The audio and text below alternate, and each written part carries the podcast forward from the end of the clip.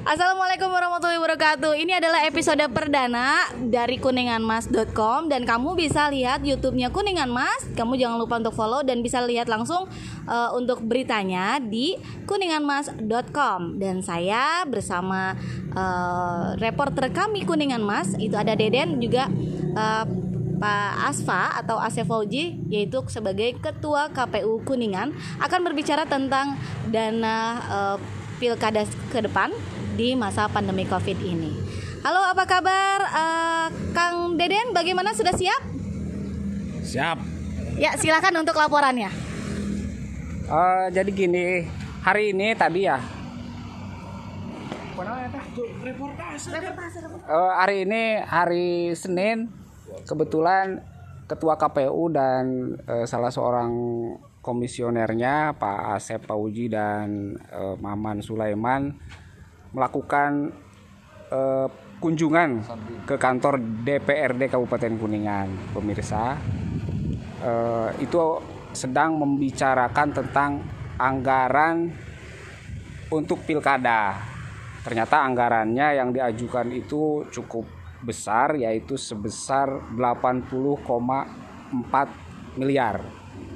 Kita wawancara langsung kepada ketua KPU untuk apa aja sih sebenar sebenarnya yang 80,4 itu? Ya e, bisa dijelaskan Pak Ketua KPU Pak Aspa singkat aja mungkin ya. Ya anggaran itu tentu untuk membiayai penyelenggaraan pemilihan kepala daerah di Kabupaten Kuningan yang akan datang. Ya komponen-komponennya mulai dari apa e, untuk e, pembayaran honorarium badan ad hoc Uh, kemudian uh, kebutuhan penunjang uh, perkantoran dari mulai tingkat KPU, PPK, PPS, kemudian untuk apa uh, pilkada dan lain-lain. Nah untuk ad hoc saja misalnya kan kita butuh 160 anggota PPK di 32 kecamatan ditambah 160 sekretariat PPK kemudian di tingkat desa kelurahan kita nanti akan membentuk merekrut sebanyak 1128 anggota PPS ditambah 1128 sekretariat PPS lalu kemudian kita juga akan membentuk 7 orang anggota KPPS yang ter 2164 TPS kurang lebih sekitar 15.000 uh, anggota. Nah, mereka kan akan bekerja gini melaksanakan tugas mengawal tahapan pilkada dan itu tentu harus dibayar honorariumnya. Nah, itu di antaranya.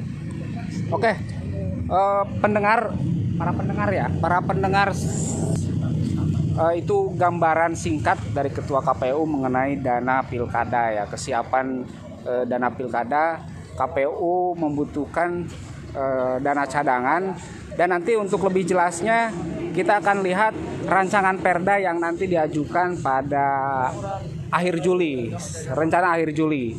Kita akan perjelas lagi nanti. Itu aja mungkin terima kasih. Uh, laporannya uh, Teh Andin.